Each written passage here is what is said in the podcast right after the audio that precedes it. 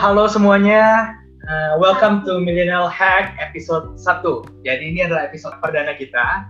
Thank you banget buat teman-teman yang uh, udah daftar dan udah join. So far kita udah ada 24 peserta atau 24 teman-teman yang udah join di webinar hari ini. Thank you banget. Perkenalkan dulu, gue Christopher and sekarang ini gue as professional di Halodoc di Strategic Partnership and ditemenin sama Iren. Nah, kenalin semua. Nama gue Iren. Jadi gue tuh kesibukannya masih pelajar, masih mahasiswa. Lagi ambil MBA program gue di Maryland University di US. Dan gue barusan banget mulai startup gue. Uh, Eco-friendly and organic cleaning products namanya Turtle Safe. Nah, gini toh, kayaknya before kita start, kayaknya kita harus jelasin dikit deh, kenapa sih kita bikin millennial hack ini, gitu. Inisiatif ini datang dari gue dan juga dari Iren jadi kita berdua tuh orang yang ya menurut kita sendiri kita tuh suka belajar gitu lah ya. Iya betul betul. Suka banget belajar. Buktinya Iren dia sampai ambil S2 gitu kan. Kalau nggak belajar nggak mungkin. Nah jadi pada saat kita tuh belajar misalnya lewat podcast. Kalau gue personally gue suka dengerin podcast uh, atau misalnya nonton YouTube atau apa pun itu. Uh, tapi mungkin pembawaannya kali ya. Jadi materi yang disampaikan itu mestinya bagus, tapi nggak benar-benar nyantol di otak Iya benar. karena benar. dari pembawaannya bahasanya lebih, lebih orang dewasa gitu. Iya. Iya benar. Nah that's why di sini uh, gue dan Iren buat platform buat fasilitas teman-teman semua nih yang seumuran. Uh, kalau nggak seumuran juga nggak apa-apa, yang penting jiwanya seumuran gitu ya. Untuk bisa dapat pengetahuan yang oke okay, di frekuensi yang sama. gitu. Intinya kayak gitu Ren. Jadi hopefully yeah, banget yeah, yeah, betul, uh, betul. di Millennial Hack ini bisa bahas topik-topik yang menarik jadi teman-teman semua di sini bisa apa ya? Bisa mendapatkan ilmu-ilmunya gitu. Iya, tapi dibawakan dengan cara yang lebih gampang dicerna lah buat kita semua. Nah, dan hari ini nih, dari tadi udah nyaut terus orangnya. Boleh nggak dikenalin dulu, Ren? Udah, Kira-kira yang okay, okay. guest speaker kita hari ini siapa? Nah, jadi host kita kece ini kita import jauh-jauh Bo dari Jakarta lebih tepatnya di Bintaro oh. Eh, jadi dia ini social media supervisor dari salah satu healthcare provider terbesar di Indonesia Halodoc perkenalin namanya Asri Halo Sri. Halo. Halo, halo Iren. Halo teman-teman yang udah join. Perkenalkan nama aku Asri. Aku social media supervisor dari Halodoc, salah satu aplikasi healthcare app, pokoknya dia digital healthcare app yang bisa kalian download ya. nah kebetulan aku kerja di situ iya, sebagai social media supervisor. Iya, jadi kalau misalnya teman-teman di sini lihat mungkin uh, mungkin ada yang dapat ads-nya Halodoc gitu ya, konsultasi atau rapid test gitu. Nah itu kerjaannya Asri, benar nggak Asri? Di sosial media. Betul banget. Kalau kalian dapat ads itu berarti kerjaan tim aku. Oh. Kalau kalian pernah atau pernah lihat atau mungkin follow sosial medianya Halodoc, nah itu juga kerjaan tim aku gitu teman-teman. Oke. Okay. Eh, gue mau tanya sih, Asri ini handle social media apa aja ya kalau di Halodoc? Oke, okay, jadi di Halodoc itu kita pakai semua social media platform atau social media channel. Jadi ada Instagram, ada Facebook, ada Twitter, ada YouTube, ada LinkedIn juga. Pokoknya semua social media ada. Sekarang kita tambahin oh. lagi ada TikTok. Wow, wow, oh. Halodoc di TikTok nih. kan teman-teman kayak sekarang ini uh, udah banyak yang mulai pakai TikTok ya, Chris ya? kayak iya, iya, setuju banget, setuju banget. trennya naik lagi nah makanya iya, kalau iya. juga nggak mau ketinggalan kita bikin konten-konten untuk TikTok juga gitu deh katanya oke okay. jadi nggak mau ketinggalan tren ya ibaratnya ya iya jangan dong yeah, jangan iya, ketinggalan yeah. tren sosial media tuh harus selalu ngikutin tren pokoknya oke okay. okay. okay, okay. jadi tuh eh Chris kita harus bikin TikTok juga nih habis nih uh, waduh kalau bikin gak TikTok boleh ketinggalan nanti, dong gak, kita Nanti gue ngedance aja ya paling ya. Boleh gak sih? gue gue pegangin kameranya aja gimana? Ya gue kan pasang lo deh Chris. Aduh. Gitu. Cuman cuman gue punya akun TikTok sih tuh honest buat ngeliatin TikTok TikTok aja gitu. Maksudnya oh. lihat update terkini, lihat TikToknya Halodoc gitu kan. Jangan sampai gue nggak tahu. Emang sih jadi sebetulnya nggak okay. harus aktif juga ya di TikTok, tapi kayak paling nggak ngikutin tren lah benar benar nah ya, cuman ya, selain selain di Halodoc nih Sri kesibukan lu lain lagi lagi sibuk ngapain? Uh, selain di Halodoc, kesibukan lain adalah uh, karena gue hobi banget olahraga, jadi kayak gue workout from home. Terus lagi oh. itu uh, selain jadi speaker di sini dan sharing sama teman-teman di sini, uh, gue biasanya juga jadi speaker uh, untuk beberapa uh, digital course lain gitu. Nah, thank you banget udah join hari ini, Asri. Nah, tema kita hari ini tuh kita akan membahas tentang social media 101. Ya. Ngomongin social media, itu kan kalau kita tahu ya tujuan awalnya itu uh, sepengetahuan gue itu connecting people. Jadi kalau ya, zaman right. dulu nih kita pakai Facebook zaman dulu gitu ya. Sebelumnya ya. ada MySpace. MySpace kalian pernah tahu nggak? Enggak sih. Kalau gue gue pernah pakai. Gue iya gue gak pernah MySpace. Iya. Kayaknya nah, pertama kali Friendster aja.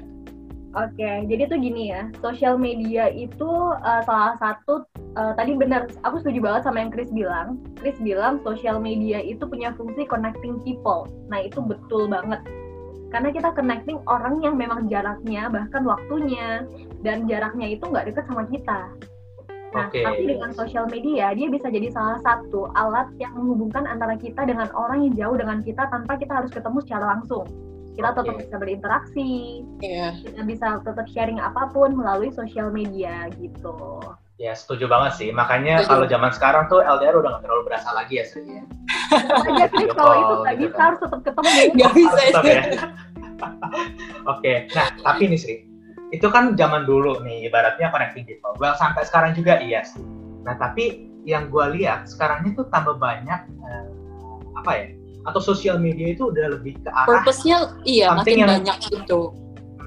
Something Jadi, yang lebih komersial kalau menurut gua sih. Maksudnya apalagi kalau lo lihat sekarang-sekarang ini ya di, di, di era pandemi covid ini uh, to be honest gue sendiri jadi bingung. Karena uh, tiba-tiba teman-teman gue tuh jadi banyak banget yang jualan di Instagram ada yang jualan snack. Ya itu gue juga sih.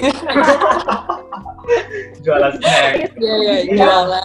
Terus udah gitu ada yang biasa juga uh, virtual fotografi. Terus um, banyak lah. Maksudnya segala macam. Mulai dari yang jualan barang sampai jasa, ya, sampai jasa. jasa. Mm -mm. itu tuh uh, apa ya? Maksudnya benar-benar semua tuh masuk ke Instagram? Benar semuanya masuk ke Instagram. Nah kalau menurut lu kalau menurut lu nih sosial media sekarang tuh perannya gimana sih apalagi di era pandemi covid gitu kan maksudnya okay. apakah jadi sepowerful itu atau gimana ya Oke, okay. peran sosial media. Sebenarnya peran sosial media itu nggak ada yang berubah sih dari zaman dulu. Cuman kayak karena behavior orangnya sendiri membuat sosial media ini jadi lebih dikembangkan. Nah, ternyata kalau hmm. intinya sosial media itu secara nggak langsung dari dulu sampai sekarang itu ternyata berubah. Coba deh kalau kalian misalnya uh, inget-inget gitu. Pertama kali download Instagram contohnya. Dulu pertama kali kalian download Instagram itu pasti fiturnya gitu-gitu aja tapi seiring bertambahnya waktu ternyata fitur Instagram itu sendiri bertambah kan? Iya iya iya. Betul betul dari bisa ada story-nya yes betul ini kita ambil satu contoh kecil tentang Instagram belum sosial media yang lain nah sosial karena sosial media ini sendiri berkembang sebetulnya kita nggak bisa ngelihat dari satu sisi aja. Kita mungkin lihat, oh ya sosial media berkembang karena ya teknologi, namanya teknologi pasti ada perubahan dong, ya kan? Nah, tapi sebetulnya sosial media perkembangan sosial media yang dulu dan sekarang itu ada dua faktor. Yang pertama faktor teknologi, dan kedua faktor si usernya sendiri atau yang yang pakai sosial medianya. Oke. Okay. Nah, faktor teknologinya itu kita bisa lihat apa aja sebenarnya. Nah, contohnya adalah seperti kita bisa lihat algoritmanya sosial media pasti berubah-berubah dan fiturnya mereka juga pasti berubah. Nah, yang wow. kedua, benar sih Sri. Usernya sendiri benar. itu juga berubah behaviornya. Gitu deh. Apalagi di era pandemik ini ya, teman-teman pasti mungkin banyak banget yang akhirnya punya new normal kalau kita sebut sekarang. Iya, iya, iya. Kegiatan-kegiatan yang sebelumnya mungkin nggak kita lakukan seperti biasanya nih misalnya kayak kita kerja pasti ke kantor atau iya. mungkin yeah. kita pergi sekolah pasti langsung datang ke sekolah nah sekarang semua lewat uh, atau online. kita di rumah aja bisa gitu lewat online nah ternyata hal-hal tersebut juga ngerubah teknologi atau sosial media jadi makin berkembang juga.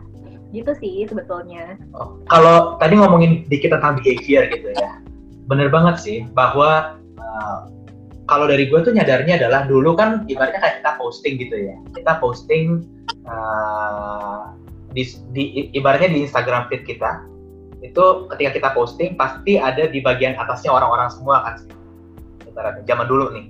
ya betul Uh, maksudnya Ya, Chris gini kali ya, kalau kita posting, pasti dia itu ke posting berdasarkan waktu dari si Iya, orang benar-benar. tersebut. Gitu kali Iya, ya, ya. Sekarang tuh yang muncul di top feed kita itu gimana ya maksudnya algoritmanya? Ah, oke, Boleh mungkin dong aku- di-share dikit? Hmm, mungkin sebenarnya eh, sebenarnya mungkin aku nggak punya kayak teori mutlak atau apa ya untuk kayak melihat ini tapi eh, setelah aku research setelah aku research dan baca-baca kebetulan kan aku setiap hari harus berhubungan dengan sosial media nih gimana Oke. caranya kita bikin posting tapi itu jadi top post nah iya, secara iya. organik gitu misalnya Mm. mungkin ini uh, menurutku ini berfungsi banget atau berguna banget buat teman-teman yang baru punya bisnis online yang mungkin belum pengen pakai ads atau mungkin belum pakai ads nah teman-teman itu bisa coba deh teman-teman itu sekarang kalau perhatiin teman-teman posting Instagram itu kalau dulu ya dulu Instagram itu ketika anggaplah aku dan Chris berteman nih di Instagram Hmm. Nah, ketika Chris posting di jam 3.14, ketika aku melihat jam 3.14, ya terus kemudian Iren posting di jam 3.20 gitu misalnya, Iya. yang muncul di timeline kita itu akan berurutan. Chris dulu, Oh, baru nanti postingannya Iren. Iya, benar-benar. Nah, Iya. sekarang Instagram itu beda. Ternyata Ah. mereka atau Instagram ini melihat gimana engagement antara aku dengan Chris dan antara aku dengan Iren. Iya. Nah, contohnya misalnya aku ternyata engage banget nih sama Chris. Engage itu seperti apa sih? Ternyata Iya. misalnya aku sering banget komen di Chris atau Chris sering banget komen di accountku. Nah, ternyata Iya. aku sama Iren itu tidak cukup engage seperti aku engage dengan Chris gitu misalnya. Oh, oke. Tapi nah, itu yang mempengaruhi gimana sih Chris itu jadi muncul lebih sering dibandingkan Iren di timeline aku gitu. Oh, oke. Nah, engage yang dimaksud maksud ini uh, komen, Engagement like gitu. iya. Ya, saat komen. Nah, engagement itu bisa dari apa aja sih? Yang pertama komen. Komen. Mm-mm. Jadi misalnya kalau teman-teman pengen naikin engagement rate, teman-teman jangan lupa sering-sering bales komen atau ya nggak harus komen ya, nggak harus komen terus nanti spamming dong. Tapi kalau Oke. kalian dapat komen, sebisa mungkin langsung balas. Itu yang pertama. Yang Oke. kedua message. Nah, yang ketiga kalian juga sering like atau kayak gimana. Kalian harus bikin interaksi dengan audiens kalian. Nah, itu baru masuk ke yang namanya engagement. Oke. Begitu. Oh, Iya, Nah, iya. makanya oke. ketika contohnya ketika Chris ini sering engage atau Chris ini sangat engage dengan account aku, Mm-mm. makanya nanti postingan Chris akan lebih sering muncul dibandingkan postingannya Iren di timeline aku. Kalau misalnya kita stalking Oh. itu apakah dihitung interaksi ya? Kalau misalnya kita kayak ngeliatin profilnya orang doang gitu, tapi maksudnya kayak nggak nggak nge-like, nggak DM, nggak komen-komenan. Eh, enggak sih, jadi sebetulnya kalau Enggak. Iren cuma lihat doang, dia itu masuknya cuma ke visit profile. Kalau misalnya kita lihat Oh, oke. dia masuknya cuma ke visit profile. Nah, visit profilnya itu sendiri akan tahu nih dari mana sih, dari explore kah atau dari mana gitu. Cuman kalau Iren cuma visit doang, misalnya Iren pengen engage dengan aku, berarti Iren harus coba komen kah atau mungkin nge-like foto aku. Nah, itu baru akan ada engagement di antara dua account kita gitu. Nah, jadi aku punya Oke. saran nih ya buat teman-teman. Iya. Uh, sebetulnya kalau kita lihat sosial media sekarang itu bisa kita pakai dan kita manfaatin buat dua hal ya selain misalnya emang cuma buat posting aja gitu. Iya. Kalau sekarang uh, menurutku gini, teman-teman kalau misalnya punya bisnis gitu, punya bisnis atau mungkin uh, teman-teman yang pengen mendalami sosial media, uh, teman-teman bisa misalnya mau personal branding, itu bisa salah, jadi salah satu fungsi sosial media juga. Nah yang kedua online shopping, apalagi kalau kita kaitin lagi dengan pandemik sekarang ya, uh, orang-orang penggunaan sosial medianya jadi lebih meningkat dibandingkan biasanya gitu. Iya, bener banget. Nah, jadi personal branding itu nanti kita juga bahas juga ya tentang personal branding dan online Oke. shopping di sini. Oke, nah mungkin itu nanti bakal kita bisa bahas lebih lanjut lagi tuh Sri. Maksudnya eh, kalau personal branding mungkin kita eh, bisa lakuin ya ibaratnya posting foto gitu lah ya. Maksudnya dengan kita sama teman-teman kita itu bisa engage. tapi uh, yang kejadian adalah misalnya kayak di my own business gitu ya di Cap. Kalau misalnya untuk engage memakai akun bisnis itu kan suatu tantangan tersendiri kan sih yang agak iya, lumayan susah sejujurnya. Kayak gue juga mau tanya sih, maksudnya nambahin pertanyaan Toto kayak, eh, Chris, kayak tipe-tipe post apa sih yang bisa uh, engaging gitu loh sama audiens kita gitu. Tipe Apakah engaging ya? Iya, iya, iya, iya. Oke, sekarang mungkin aku bakal ngebahas dulu uh, satu persatu ya, tipe post yang engaging. Sekarang gini, uh, kita ambil satu contoh, mungkin Chris ini punya bisnis makanan. Oke. Okay. Ini kita langsung, Benar, langsung contoh aja kali ya, Chris, yeah, yeah. biar gampang. boleh, boleh, biar gue belajar kan. Dan juga kayaknya yeah, teman-teman di sini udah pada punya bisnis juga, Jadi yeah. boleh. Ah ya, buat teman-teman yang di sini punya bisnis, mungkin uh, ini aku bakal ngejelasin sedikit tentang mungkin gimana cara naikin engagement dan lain-lain misalnya kita ambil satu contoh, Chris punya bisnis makanan. Makanannya itu snack ternyata. Makanannya snack, uh, dia sudah mulai follow-follow orang, bikin konten dan lain-lain. Nah, gimana caranya bikin konten yang engage? Mm-hmm. Kita harus tahu. Ada jadi di sosial media itu aku selalu menerapkan satu hal. Ada satu kalimat yang harus kita ingat-ingat kalau di sosial media itu adalah jadi sosial media adalah gabungan antara teknologi psikologi. Oke. Okay. nah, jadi sekarang nggak cuma teknologi sama psikologi doang. Sosial media juga gabungan dari kreativitas. Wow. Coba, okay. coba bayangin. Kalau yeah, iya. kalian yeah. udah punya sosial media, uh-huh. kalau misalnya kalian punya sosial media terus posting asal-asalan, nggak kreatif gitu, jelek, nggak follow dong orang-orang. Jadi uh-huh. kalian itu harus harus menggabungkan tiga hal ini. Teknologi, kalian harus up to date sama fitur-fitur sosial medianya Okay. Psikologi kalian harus tahu nih audiens kalian itu sukanya apa dan audiens kalian itu dalam kelompok apa atau audiens yang seperti apa.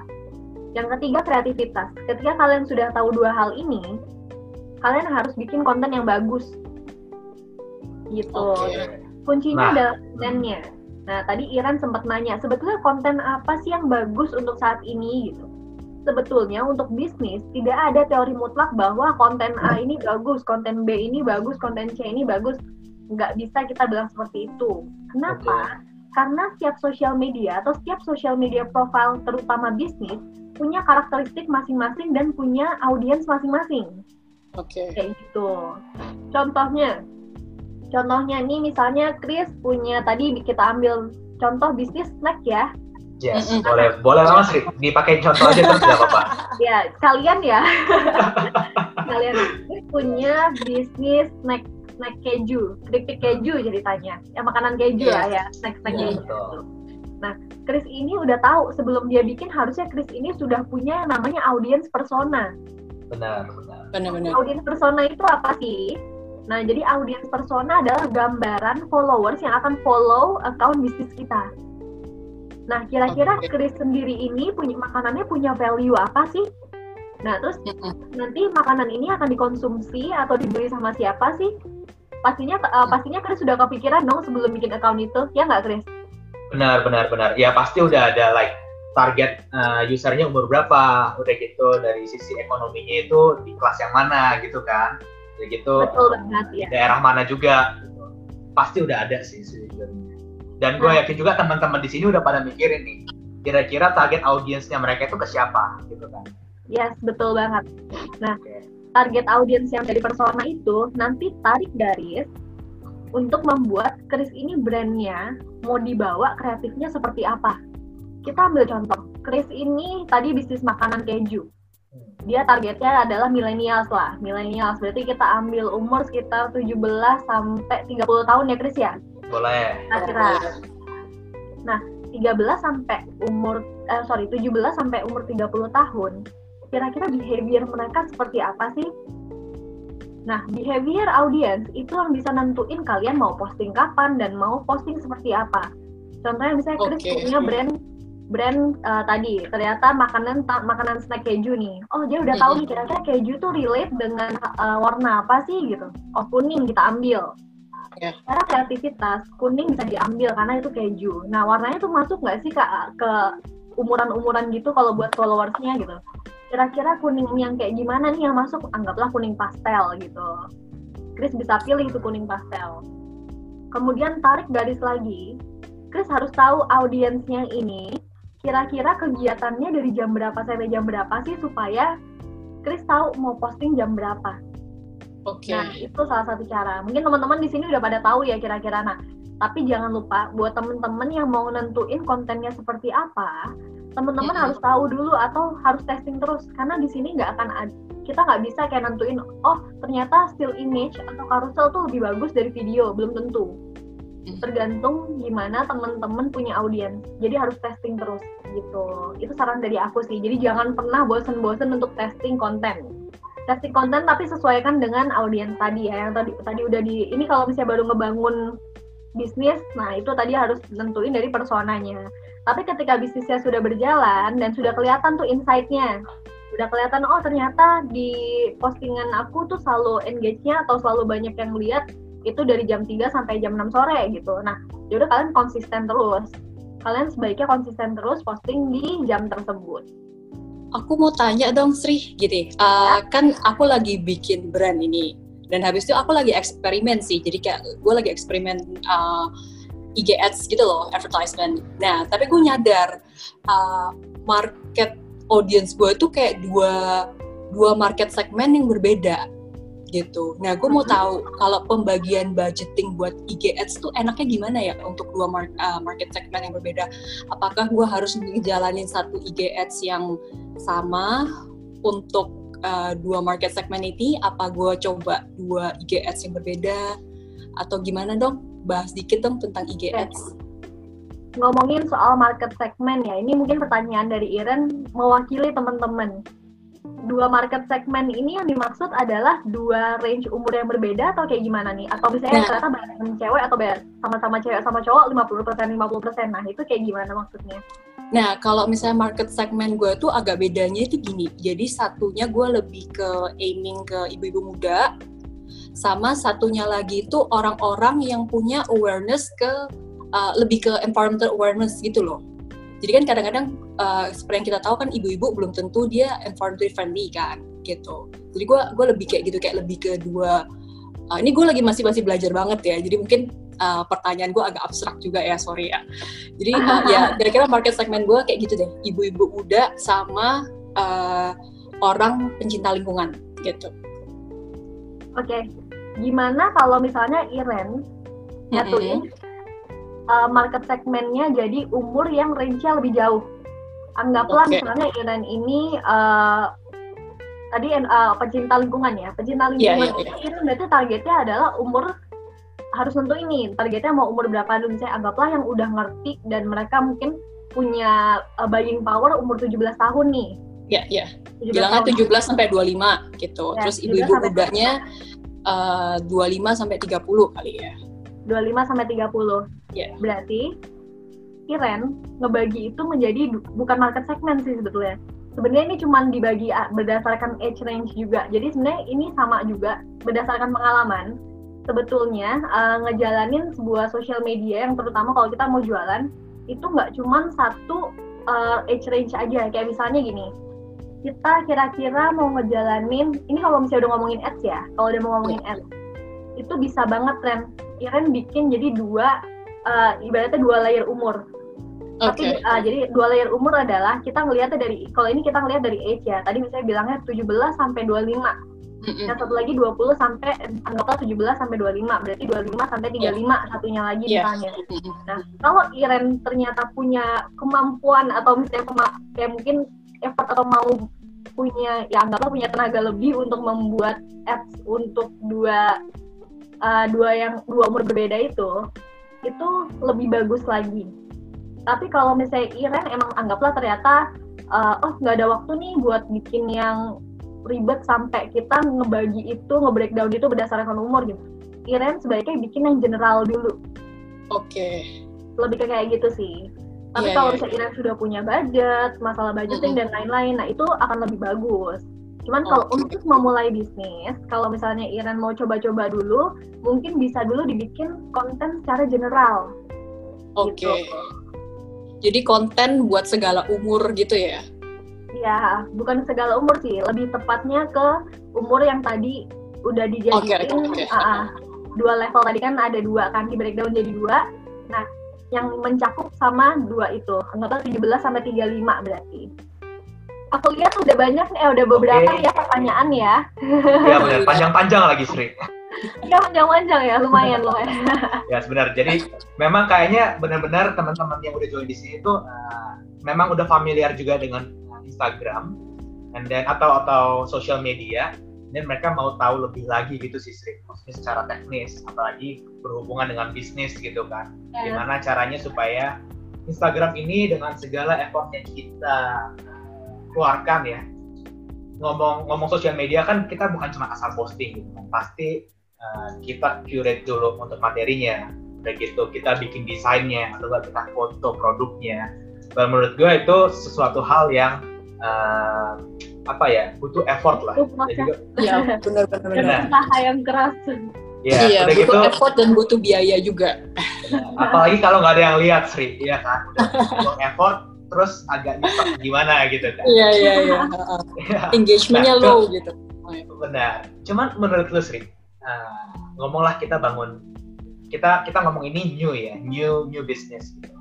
Uh, follower kita benar-benar ngomonglah masih nol gitu ya apakah yang lebih penting itu uh, konten yang benar-benar bagus tapi kontennya sedikit atau kita banyakin konten meskipun kontennya itu uh, ibaratnya ya yang nggak bagus-bagus amat tapi as long as ada aktivitas gitu. menurut lu lebih mending yang mana sih? Oke, kita bi- berarti kita ngebahas tentang yang mau membuat bisnis mulai dari nol ya. Betul dari nol. Betul, betul. Nah gini, kita kembali lagi. Sekarang kita membuat bisnis, berarti harus tentuin dulu audiensnya seperti apa. Eh sorry, produknya itu seperti apa, yang mau disajikan audiens seperti apa. Sebisa mungkin teman-teman posting tidak dituntut harus selalu banyak dan langsung banyak, tapi konsisten. Contohnya Oh, oke. seperti apa? Ini misalnya gini, kita pilih nih, oh ternyata kita belum mampu untuk posting setiap hari ternyata anggaplah kita mau konten atau de- konten dengan tampilan yang bagus dan sudah punya mood sendiri atau Hmm. punya gambaran soal tentang yang mengenai brand kita. Oke. Gimana sih caranya? Nah, teman-teman coba deh pilih. Kira-kira dalam seminggu itu bisa posting berapa kali sih? Anggaplah Oke. kita ambil maksimal tiga kali nih udah full effort banget gitu Hmm, Iya, iya. nggak masalah seiring berjalannya waktu aja nah teman-teman coba konsistenin seminggu tiga kali di jam yang sama Oh, oke. kalau misalnya kalian bisa posting lebih banyak lagi misalnya oh sehari sekali bisa nih itu lebih bagus lagi cuman nggak harus Oke. memaksa gitu kenapa karena setidaknya konten tuh harus kelihatan bagus jangan asal-asalan Iya, setuju banget sih. Betul. nah ini nanti kaitannya sama personal branding lagi nih nggak jauh-jauh dari personal branding lagi kaitannya sama kita sekarang kalau misalnya kita ngomongin ya ini kita sambil ngomong santai aja nggak masalah ya nggak usah teoritis banget kan Boleh, boleh. Iya, santai aja. Yang penting bisa dipraktekkan kan, Sri. Iya betul banget. Nah sekarang tuh kita kayaknya punya buying uh, buying habit yang baru ya setelah kayak COVID-19 nya during Mm-mm. pandemic ini ternyata Iya. orang-orang atau au- digital audience punya buying habit yang baru. Nggak baru sih, cuman mungkin agak sedikit perubahan dibandingkan sebelumnya. Contohnya, sekarang orang-orang itu lagi menghadapi new normal yang tadi kita udah sempat bahas. New Iya. normal yang seperti apa? Yes. orang-orang ternyata cenderung membuka sosial media ketika mereka mem- memakai gadget atau online ya ceritanya nih. Nah, new Bener normal ini harus dibikin sama orang dan mereka harus beradaptasi dengan new normal ini. Kenapa mereka harus beradaptasi dengan new normal ini? Nah, karena sekarang lagi kita harus benar-benar di rumah. Oh oke, sekarang kita lagi di rumah kita nggak bisa banyak keluar-keluar nih, kita bahkan mungkin nggak bisa ke mall dan lain-lain. Nah, berarti itu drive orang willingness mereka untuk buying secara online. Nah, berarti jadi salah satu keuntungan kita atau atau kita yang ingin punya bisnis melalui sosial media. Oke, itu udah satu tuh keuntungan. Ya. Ternyata gara-gara new normal ini ngedrive orang untuk bisa selalu mengakses apa pun secara online. Nah, terus Ya. kemudian eh, aku juga pengen kasih tahu ternyata consumers real atau keinginan consumers itu lebih banyak uh, ke delivery service untuk restoran dan grocery food. Oh, oke. Okay. Yes, uh, nah jadi nggak cuman itu aja, ternyata sekarang orang tuh yang mungkin tadinya nggak kepikiran, oh gue takut nih kalau misalnya sakit gue harus minum vitamin kayak yeah. biasanya bodo amat gitu.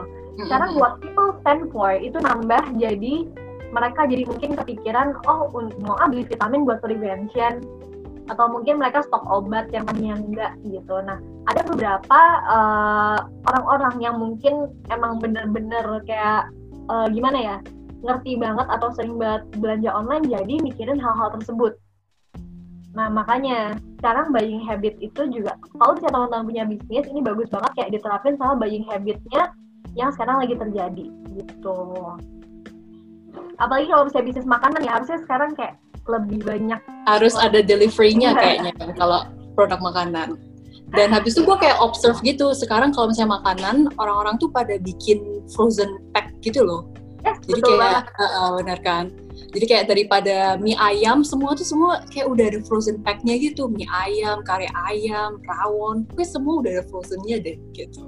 Semua di frozen. kayaknya kita harus udah mulai kayak berubah gitu ya. Apalagi yang punya restoran yang jualan gitu. Kayak kalian harus ngikutin gitu ya trennya selama iya, betul. ini.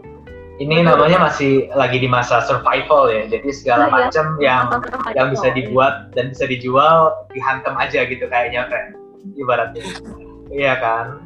Iya okay. bener sih, bener sih. Oke oke oke. Wah menarik banget ya Ren ya tentang sosial media iya. uh, apalagi buat teman-teman yang apa ya ibaratnya kayak tadi lagi baru bangun bisnis atau misalnya mau, mau bangun personal branding gitu ya Sri ya. Iya, eh okay. uh, kayaknya seru juga kalau kita ngomongin konten type baru yang sekarang baik banget orang seneng kali ya. Ah, oh, boleh tuh Sri. Jadi biar lumayan uh, viral gitu lah ya. Ya, tapi ini jujur aja ya, tidak harus selalu diimplementasikan ke bisnis kalian. Ini aku cuma okay. kasih insight doang nih ya. Yes, yeah. boleh banget. Ya, belum Kayaknya dari tadi kita terlalu serius ya. belum tentu teman-teman punya anggaplah misalnya punya bisnis uh, di bidang makanan belum tentu kayak ternyata audiensnya cocok dengan konten ini gitu jadi jangan yeah. apa-apa dicoba tapi kayak mm-hmm. tidak harus dicoba gitu ya jadi ternyata ada tiga konten yang populer nih sekarang nah okay. kontennya itu kalau teman-teman perhatiin itu yang pertama adalah artificial intelligence ada yang tahu nggak atau Chris atau Iren tahu nggak tuh kayak gimana tuh? Kayaknya itu kayak machine learning gitu ya, artificial intelligence. Jadi ya, dia kayak satu contohnya apa coba? VR ya, VR VR, virtual reality. Ya, iya. Salah satu contohnya tuh kalau kalian pakai filter-filter Instagram itu loh. Oh, oh iya iya iya betul betul betul. Yang mukanya Chris bisa jadi berubah apa Brad Pitt gitu misalnya. Boleh juga tuh kali ya. Oke. Nah itu salah satu konten-konten yang menarik. Kalau misalnya kalian perhatiin banyak banget teman-teman di Instagram, teman-teman kalian di Instagram suka pakai-pakai quiz-quiz ala-ala apa yeah, yeah, gitu, yeah. kayak ada main apa nah itu. Ya salah satu konten populer. Apalagi apalagi kalau yang lagi pacaran gitu kan banyak banget tuh yang lagi kapelan udah gitu yang kepalanya gini bareng gitu kan itu salah satu contohnya ya berarti ya ya salah satu contohnya terus okay. yang kedua konten yang sekarang banyak diminatin sama audiens adalah micro video. Micro video itu kayak apa? Ya, yes, micro video adalah kalau mungkin orang dulu selalu berpikir bahwa kayak oh bikin video itu durasinya panjang ditaruhnya di YouTube gitu, ya nggak sih? Tapi yeah. sekarang bayangin kalau kalian di TikTok durasinya cuma satu menit, tapi yeah. lewat satu menit itu kalian bisa nyampein banyak hal.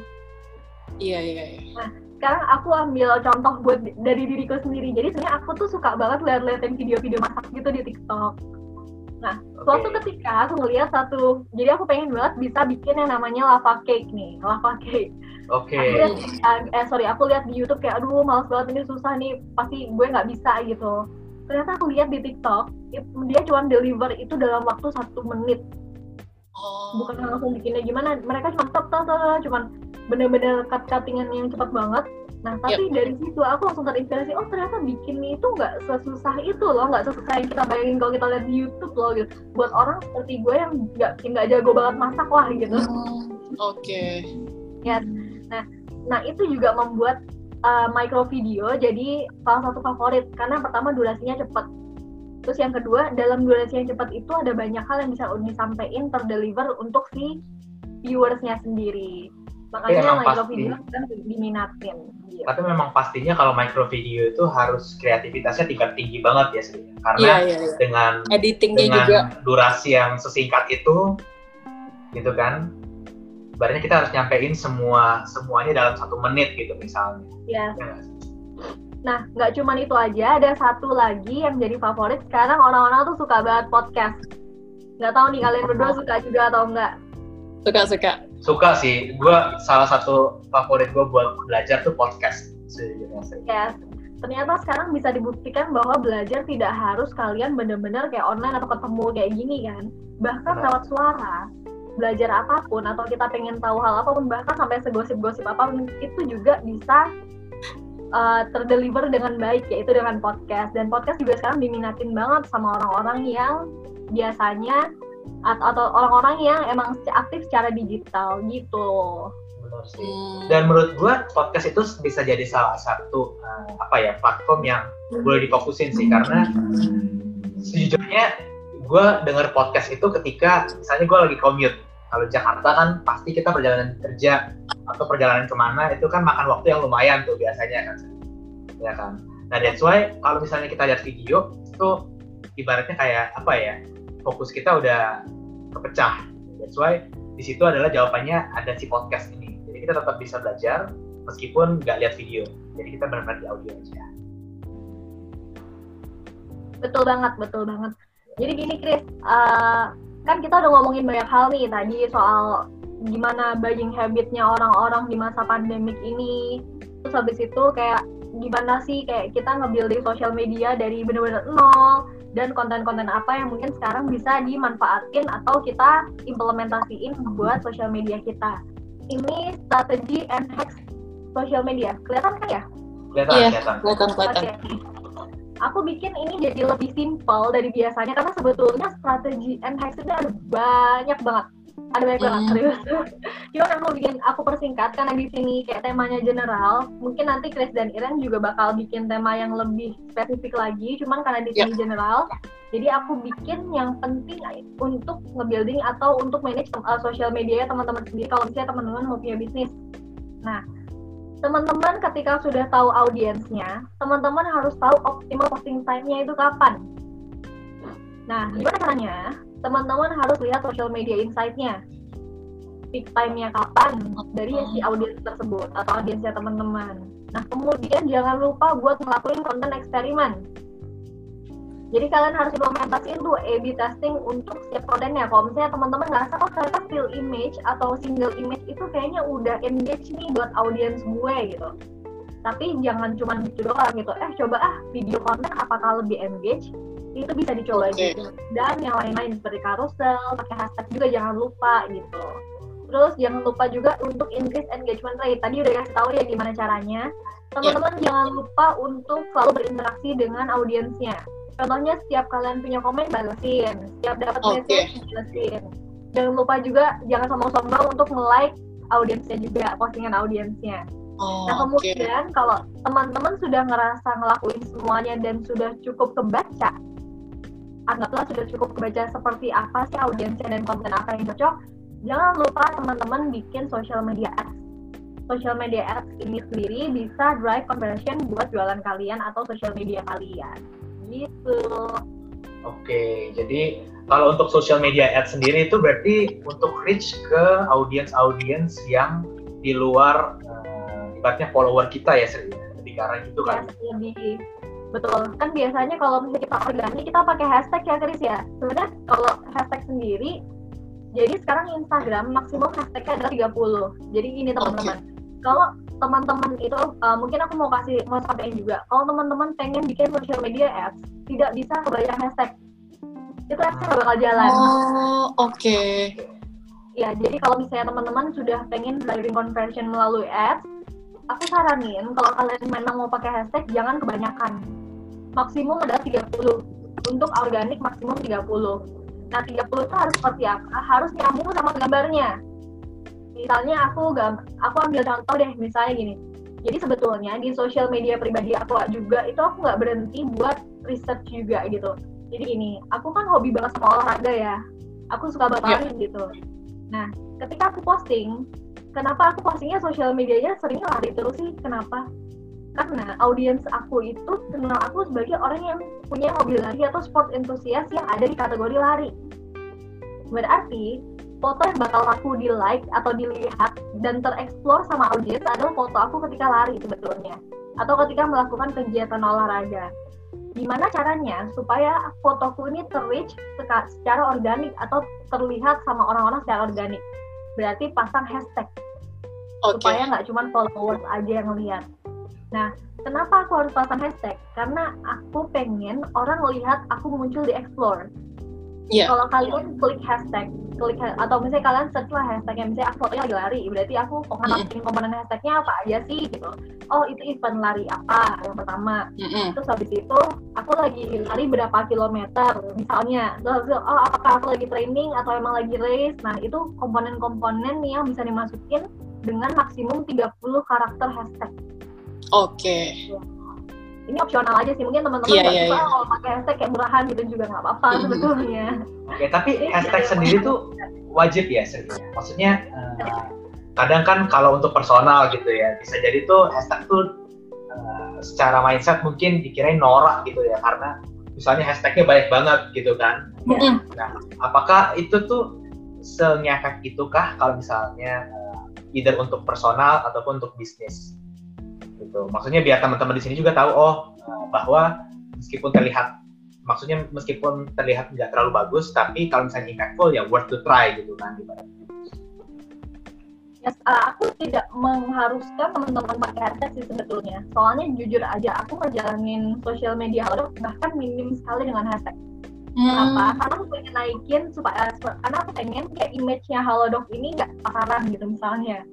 Iya. Berarti ada plus minusnya ya Sri ya. Iya. Lebih eksklusif. Jadi ini lebih ke eksklusivitas aja sih.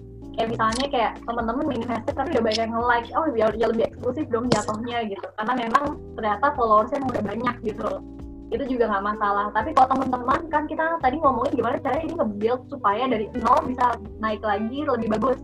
Berarti Iya. salah satu cara organiknya adalah pakai hashtag yang relate dengan image tersebut. Oh, oke.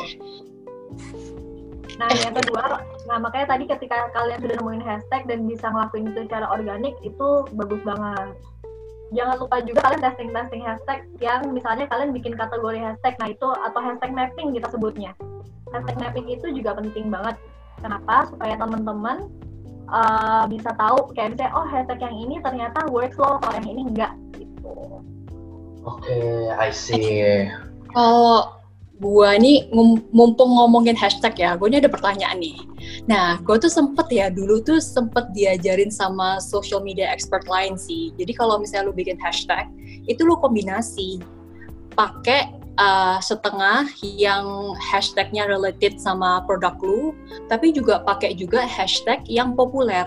Contohnya photo of the day, uh, beautiful, uh, likes for likes gitu. Kalau kayak gitu tuh menurut lu ngefek nggak sih gitu buat nge-boost post kita biar bisa muncul di top search pakai Ah, hashtag hashtag populer gitu. Eh, itu bisa aja kayak bikin postingan Iren ada di top search, Iya. ya kan? Mm-mm. Tetapi apakah Iren tidak salah masuk room? Nah, jadi gini, ketika Iren pakai hashtag, anggaplah Iren ini uh, produknya kita harus ngambil contoh kasus aja ya. Iya, Ya, iya, iya. anggaplah Iren ini produknya tadi makanan ya. Ah, sorry, Iya, tadi uh, kita ambil contoh kasus makanan yang lebih gampang ya. Iya. Uh, kita ambil contoh kasus produknya itu adalah makanan. Nah, Hmm. ketika produk makanan ini um, mau dibikin, mau kita posting secara organik, dan ternyata itu kita pakai hashtag. Nah, kita harus cari nih komponen-komponennya apa aja nih yang yang misalnya emang relate sama si makanan itu. Nah, tapi ternyata kita lihat top hashtagnya ternyata likes for likes dan lain-lain gitu. Oke, kita akan masuk ke explore orang-orang tersebut. Tapi apakah cocok dengan audiens kita yang ada di room hashtag tersebut? Belum tentu. Oke, iya iya betul banget sih. akan- yes. Jadi mungkin akan ada like, tapi mungkin tidak ada Hmm. engagementnya. Sorry, bukan tidak ada engagementnya, jadi- tapi kayak nggak terlalu works gitu karena tidak relate. Oh, Oke. Nah, gue mau tanya lagi nih tentang hashtag. Apakah dari post ke satu, kedua, dan ketiga kita pakai hashtagnya tuh sama aja? 30 hashtag yang sama aja? Apakah atau harus kita variasiin? Nah, nah, untuk yang tadi aku bilang, berarti ini masuk masuknya ke hashtag mapping ya. Jadi yeah. untuk hashtag mapping sendiri, uh, variasi itu bisa Iren bikin. Kalau misalnya Iren mau, sesuai okay. dengan misalnya produknya apa nih gitu. Kalau misalnya kita sudah punya satu brand, harusnya brand itu kan inline nih semuanya. Oh, uh, hmm. berarti akan ada kategori brand kita tuh di mana sih? Oh, ternyata makanan ringan dengan jenis uh, snack keju gitu. Kita iya. ambil yeah. seperti itu. Nah, pasti hashtagnya akan ada di sebutan itu aja sebetulnya. Oh, oke. Okay. Kita sesuaikan lagi, misalnya ternyata makanan ringan dengan keju ini punya inovasi lebih. Ternyata di atas kejunya ada oh sorry kejunya ternyata kejunya keju mozzarella atau keju yang lain nah yeah. bisa kita tambahin kita adjust aja hashtag yang baru sesuai dengan si image tersebut oke okay, I see tapi emang uh, balik lagi kalau untuk hashtag ini itu memang sifatnya adalah optional ya sih ya. tergantung ya, image optional. dari image dari uh, social media personal atau bisnis yang pengen kita bangun ya. Iya betul. Oke, nah sebentar uh, tadi kita udah bahas tentang awalnya sosial media kayak gimana sampai ke hack uh, and tipsnya kayak gimana.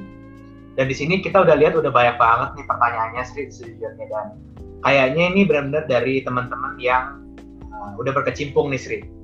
Nah, tapi oh, ada satu pertanyaan ya. terakhir dari gue satu pertanyaan.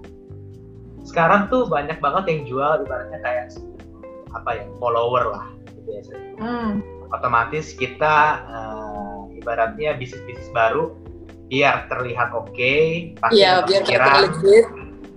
pasti ada kepikiran untuk apakah kita harus beli follower atau apa yang kita harus bisa lakuin supaya ibaratnya ketika orang uh, lihat sosial media oh legit nih. Nah kalau menurut pendapat lu sendiri kayak gimana sih tentang fenomena itu uh, followers ya gimana kalau misalnya kalian baru punya bisnis online terus tiba-tiba beli followers yeah. Iya. okay, jadi sebetulnya ini yang sering banget ditanyain sama teman-teman ketika gue lagi kayak ngisi workshop gitu ya hmm. sebetulnya beli followers itu bukan hal yang haram okay.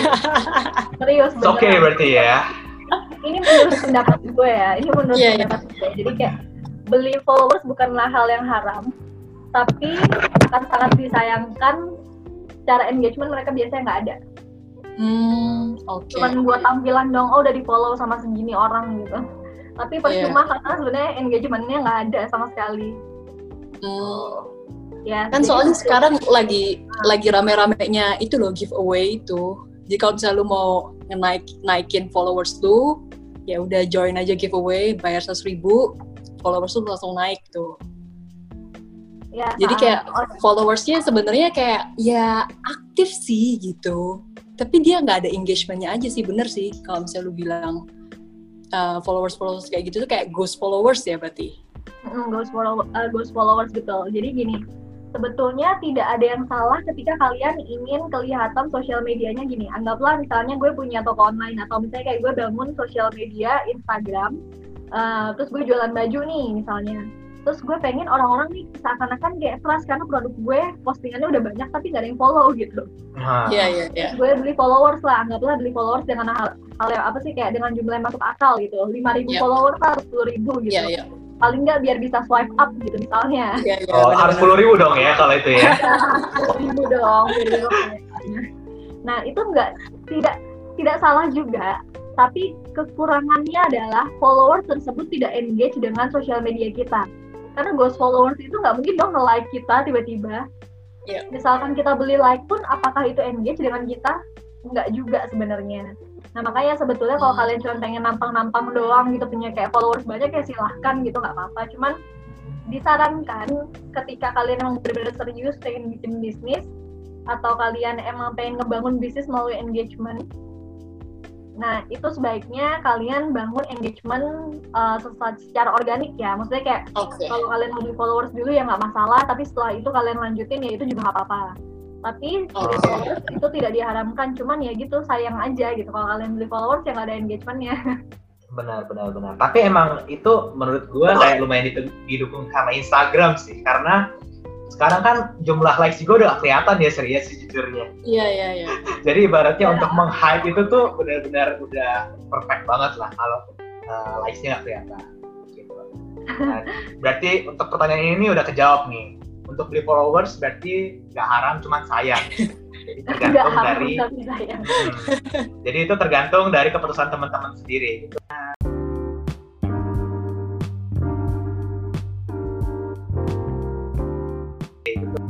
Langsung masuk ke sesi Q&A kali ya Ren ya. Ada satu pertanyaan dari si Dia. Nah, Kak, social media supervisor itu job desk-nya apa aja sih? Nah, kalau ini bergantung di mana teman-teman kerja sebetulnya. kalau di Halodoc sendiri adalah mensupervisi konten-konten yang dibuat berdasarkan editorial plan. Nah, editorial plan itu kita langsung masuk aja ke editorial plan itu seperti apa. Nah, tadi kan ngomongin copywriting sama layoutnya. Nah, gimana caranya membuat konten? Teman-teman harus punya editorial plan-nya dulu nih. Nah, editorial plan-nya dibikin seperti apa? Teman-teman bisa bikin tabel yang menentukan kalian di caption mau nulis apa, terus kemudian copywriting atau copy visualnya mau seperti apa, nanti gambarnya atau image-nya mau seperti apa atau secara visual seperti apa. Nah, itu penting banget Nah, untuk nentuinnya itu melalui yang kan tadi tanya nentuin desain kontennya tuh enakan copywritingnya dulu atau baru layoutnya dulu sih gitu. Ini bebas ya sebenarnya orang-orang tuh kayak punya kesenangan tersendiri karena mungkin antara aku dengan tim aku yang lain gitu atau orang yang ada di tim aku beda-beda gitu. Kadang ada orang yang seneng nentuin misalnya ah, aku nanti pengen captionnya kayak gini dulu ah baru nanti bikin layoutnya seperti ini baru nanti di layout itu aku kasih copy visual atau copywriting yang kayak gini. Nah itu beda-beda. Cuman kalau aku saranin berdasarkan editorial plan teman-teman uh, mungkin lebih baik tentuin dulu copy visualnya atau copywritingnya mau apa. Aku nggak ngerti sih copywriting di sini maksudnya caption atau copy visual ya. Tapi kalau aku pribadi kalau aku pribadi aku senang banget nentuin dulu aku tuh nanti mau bikin tulisannya apa sih di di gambar itu? Kenapa? Karena kalau kita mau bikin ads itu uh, uh, sorry kalau mau bikin social media content atau apalagi nanti dijadiin ads gitu ya itu kan sat, dalam satu gambar harus ada pesan yang tersampaikan gitu. Nggak harus panjang tapi kita harus tahu nih ini tuh tentang apa sih postingannya gitu. Yeah. misalnya kita mau bikin copywriting di tulisannya atau di gambar tulisan atau di copy visualnya ah sorry di visualnya aku tentuin dulu oh nanti aku mau bikin visual dengan tulisan misalnya anggaplah kita ambil contoh dokter ya. Karena aku kerja di Halodoc nih ceritanya. Aku pengen bilang kalau di Halodoc tuh ada banyak dokter yang bisa bantuin kamu 24 jam. Oke itu key message-nya. Bisa online 24 jam. Kita tarik lagi kira-kira kalau misalnya kita ngebahas tentang dokter gambarnya apa ya enaknya? Nah berarti yang pertama untuk mempermudah teman-teman tentuin dulu copy visualnya tuh mau apa apa sih yang uh, tulisan yang mau di, ditampilin di gambar tuh apa? Kalau bisa jangan panjang itu penting banget. Nah okay. yang kedua gambarnya itu disesuaikan. Nah disesuaikan lagi. Kayak oh tadi kita key message-nya atau message-nya itu tentang dokter yang tersedia 24 jam dan kalian bisa akses halodoc kapan aja gitu. Oh berarti nanti gambarnya dokter ah gitu. Oh kasihlah komponen-komponen dikit mungkin gambar handphone gitu. Karena halodoc bisa diakses lewat handphone gitu misalnya. Atau kita bisa chat sama dokter lewat handphone itu salah satu contohnya. Berarti kalau aku sendiri secara pribadi lebih senang nentuin apa copy visualnya dulu. Baru kemudian aku tarik ke, uh, ke visualnya seperti apa.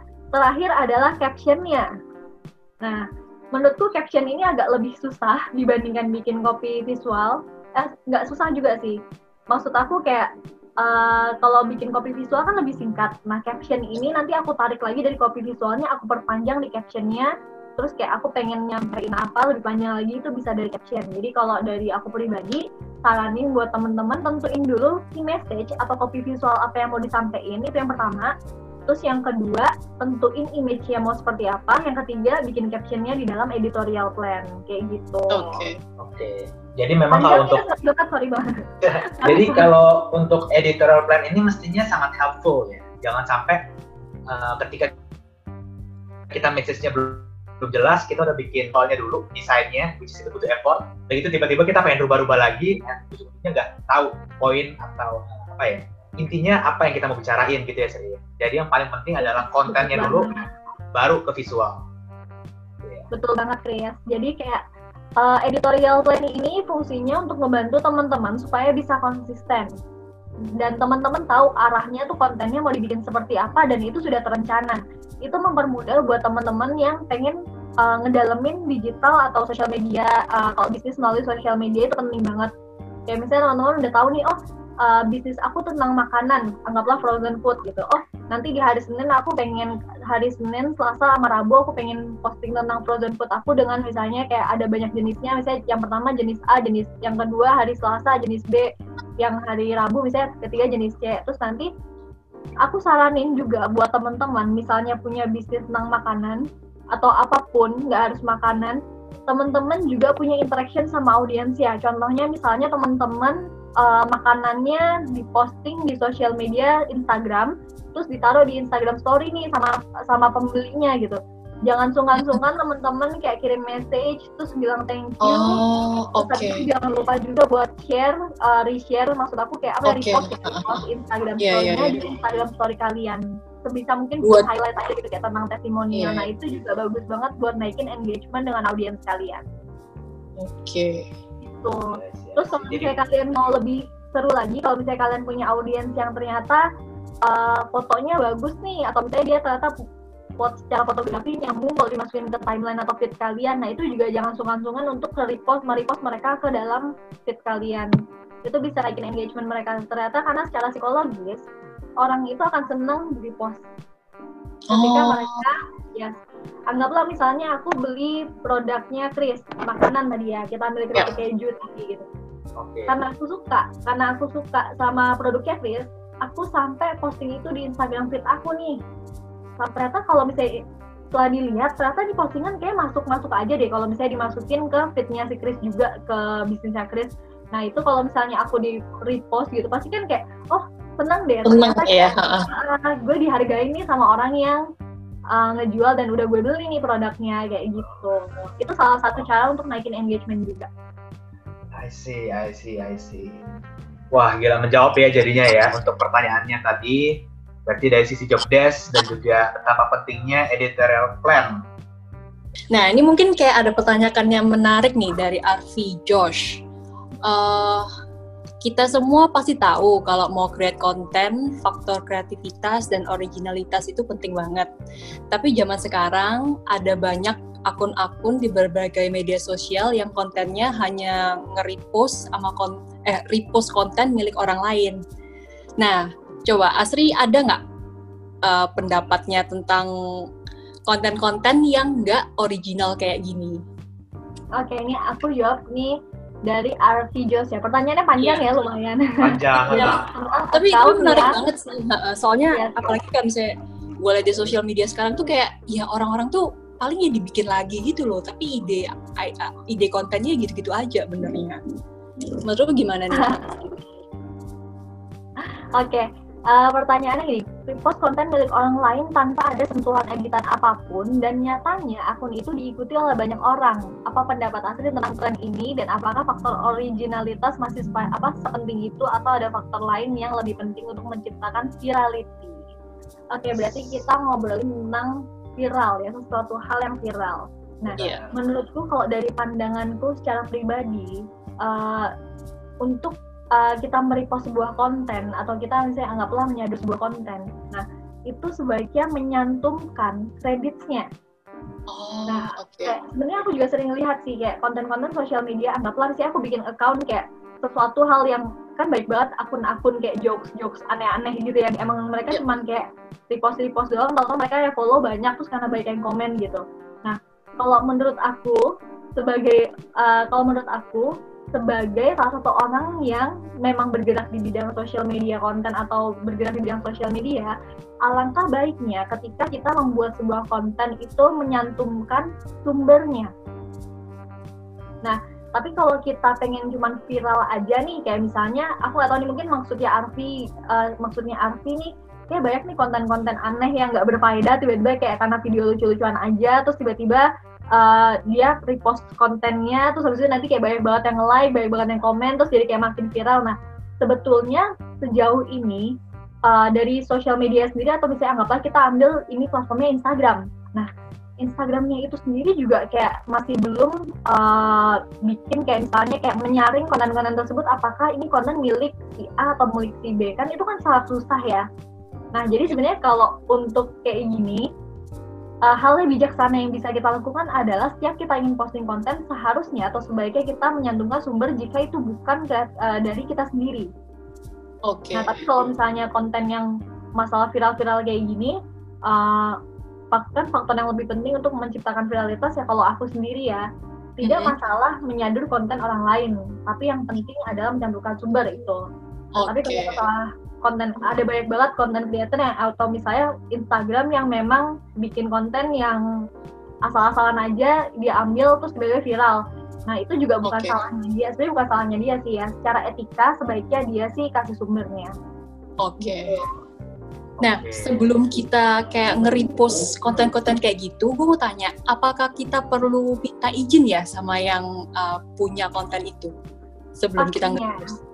Pastinya kita sebaiknya minta izin. Paling nggak kayak kalau misalnya aku pribadi ya, itu uh, sebaiknya kayak kita DM aja gitu. Yeah. DM, DM kalau misalnya dapat jawaban baru kita itu secara etika aja sih sebenarnya itu kan lebih ke etika ya. Etika gimana yeah. kita yeah. bersosial media sebaiknya kalau misalnya kita mau merepost kontennya apa pun bentuk kontennya anggapan misalnya foto atau apa atau mungkin kita mau menyadur captionnya gitu okay. itu nggak masalah tapi setidaknya kita harus kasih tahu ke orang yang punya konten tersebut gitu.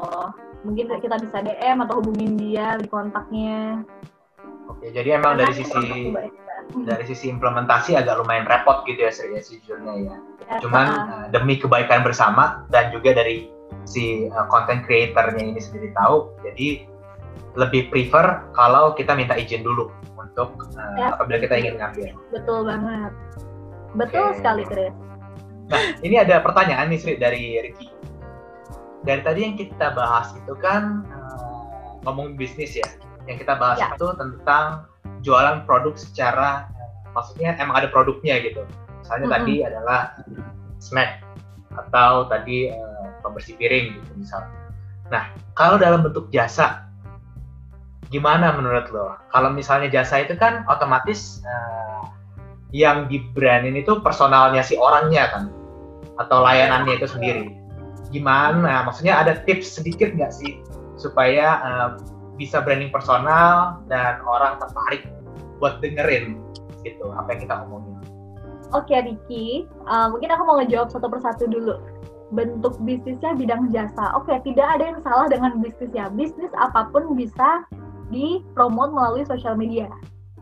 Oke. Nah, meskipun ada regulasi-regulasi tertentu ya, kayak misalnya anggaplah kayak Halodoc. Halodoc tidak bisa sembarangan misalnya pasang gambar yang emang obatnya itu dari ada label merahnya. Oh, Karena itu gitu ya.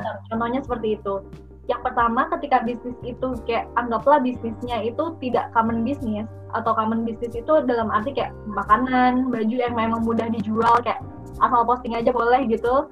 Nah, itu kita harus perhatiin perhatiin beberapa regulasi-regulasi yang bisa kalian baca juga dari guideline sosial media tersebut. Itu yang pertama. Nah, sekarang kita masuk lagi ke bisnisnya bentuknya jasa. Otomatis kan punya harus punya brand personal dong. Gimana caranya branding personal supaya orang tertarik nih untuk follow kita dengan kita masukin ke kasusnya sedikit adalah bisnisnya bidang insurance gitu. Nah, sekarang kita harus tahu dulu insurance itu insurance apa sih? Nah, untuk membuat personal branding, kita tuh harus punya brand voice. Nah, brand voice ini kita masukin sebagai social media brand voice ya di sini. Kita tuh pengen karakternya seperti apa, tone-nya seperti apa, bahasa seperti apa, sama tujuan kita tuh apa sih? Nah, sekarang kalau kita lihat dari insurance, oke okay, tadi Ricky produknya jasa dan insurance. Nah, insurance berarti punya karakter yang friendly, warm, uh, warm lah, tidaknya warm dan harus profesional. Yep. Nah, Ricky bisa pilih ketiga karakter ini untuk sosial media yang akan atau konten yang akan dia naikin buat sosial medianya. Nah, tone-nya itu seperti apa sih? Coba misalnya Ricky itu tone pilih yang humble dan honest. Berarti kayak karakternya itu harus humble dan honest. Berarti kayak nanti kayak kita udah kebayang nih setelah kita pilih karakternya seperti apa, tone seperti apa, kita harus tahu audiensnya Ricky ini ada di umur berapa sih? Sehingga mereka itu punya bahasa yang seperti apa? Nah, kita bisa pilih di language ini, ada beberapa contohnya, bisa dipilih. Nah, tujuannya untuk apa? Anggaplah Ricky ini pengen engage dan educate, atau ingin jual jasa insurance-nya kita pilih ini sell. Nah, dari purpose tadi, eh, dari purpose ini, purpose, terus language, karakter persona, dan tone-nya, ketika kita sudah tahu semua, kita bisa pilih. Sebenarnya mau pakai warna apa, kontennya seperti apa, terus kalau mau bikin caption kayak apa. Nah, ini kita bisa pilih ketika kita sudah menentukan brand voice-nya. Nah, kalau Ricky pakai insurance dan tadi sudah menentukan karakter, tone, dan bahasa serta purpose-nya, jangan lupa setelah itu bikin konten. Konten yang pertama itu yang penting adalah Ricky harus tahu banget atau Ricky harus uh, perhatiin banget tentang awareness. Orang tidak akan beli barang ketika dia tidak aware dengan barang tersebut atau jasa tersebut. Berarti Ricky harus seperti apa sih untuk drive conversionnya? Ricky harus bikin uh, audiensnya aware dulu nih tentang produknya seperti apa. Nah, ketika orang orang tersebut udah tahu produknya seperti apa, Ricky juga sebaiknya kasih tahu nih, oh ternyata kelebihan produknya apa sih, unique selling point-nya tuh apa. Nah, untuk naikin si awareness itu. Jadi orang-orang tahu, oh si produk ini itu punya unique selling point ini loh, punya kelebihan ini, value-nya ini gitu. Nah, seperti itu. Ketika ketika udah menentukan itu, baru kelihatan tuh di insight, oh ternyata orang-orang tuh lebih suka konten yang seperti apa sih? Nah, Ricky nggak cuma bisa berhenti di, di jenis konten itu juga. Ricky juga bisa kembangin lagi ke konten lain. Misalnya, oh bosen nih kok cuma awareness produk gue doang gitu. Kayaknya orang juga bosen kan kayak ngedenger produk gue doang. Kasihlah produk, uh, kasihlah konten-konten yang lebih fresh. Contohnya bisa bikin infografis atau mungkin bisa bikin info-info kalau misalnya tentang insurance kesehatan gitu. Kita bisa bikin tentang info-info kesehatan, terus kayak misalnya keuntungan-keuntungan orang kalau misalnya preventif terhadap kesehatan prevent terhadap kesehatannya dia. Contohnya dengan punya insurance. Nah, seperti itu konten-konten itu dari hal-hal kecil tuh bisa dikembangin. Jangan lupa pakai kreativitas juga. Nah, karena bidangnya ini jasa, jadi jangan lupa untuk tetap bikin awareness ke orang, educate mereka, nggak cuma dari sisi produknya aja, tapi juga dari sisi lain sesuai dengan jasanya. Nah, kemudian dari situ akan bikin followers kita merasa bahwa konten tersebut punya value supaya mereka follow account kita, gitu Ricky. Oke, okay, I see. Semoga uh, yang tadi dijelasin sama Asri tadi bagus banget sih kalau ada apa brand voice ya Sri ya berarti ya. Yeah. Itu yang benar-benar harus kita itu pun sejujurnya gue baru tahu kayaknya itu bakal bakal kita implementasikan juga dan kita lihat kira-kira efeknya kayak gimana. Jadi percuma kalau misalnya di sini uh, kita udah dengar teorinya tapi kita nggak uh, apa ya kita nggak lakukan. Jadi kalau misalnya benar-benar mau tahu efeknya kayak gimana silahkan bisa dicoba sendiri teman-teman. Gitu ya Sri ya berarti ya. Iya. Yes, Betul okay. sekali. Eh.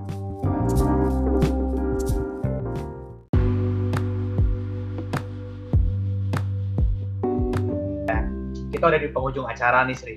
Thank you banget udah udah jadi pembicara. Dan di sini masih ada untuk waktunya. Dan di sini masih ada banyak pertanyaan dan hopefully kita bisa bahas pertanyaan-pertanyaan ini di uh, sesi berikutnya ya. Jadi sedikit okay. info, uh, millennial hacks ini nggak cuma bicara tentang sosial media. Jadi kita bakal bahas topik-topik yang lain yang pastinya menarik dan berguna buat teman-teman sekalian. Dan planning kita adalah di dua minggu dari sekarang itu kita mau membahas topik mengenai investment. Investment, ya. Yeah. Yes, betul. Dan hopefully ini bisa menarik buat teman-teman semua. Dan informasi selanjutnya bisa ditunggu di grup kita atau enggak di sosial media kita di Millennial Hack.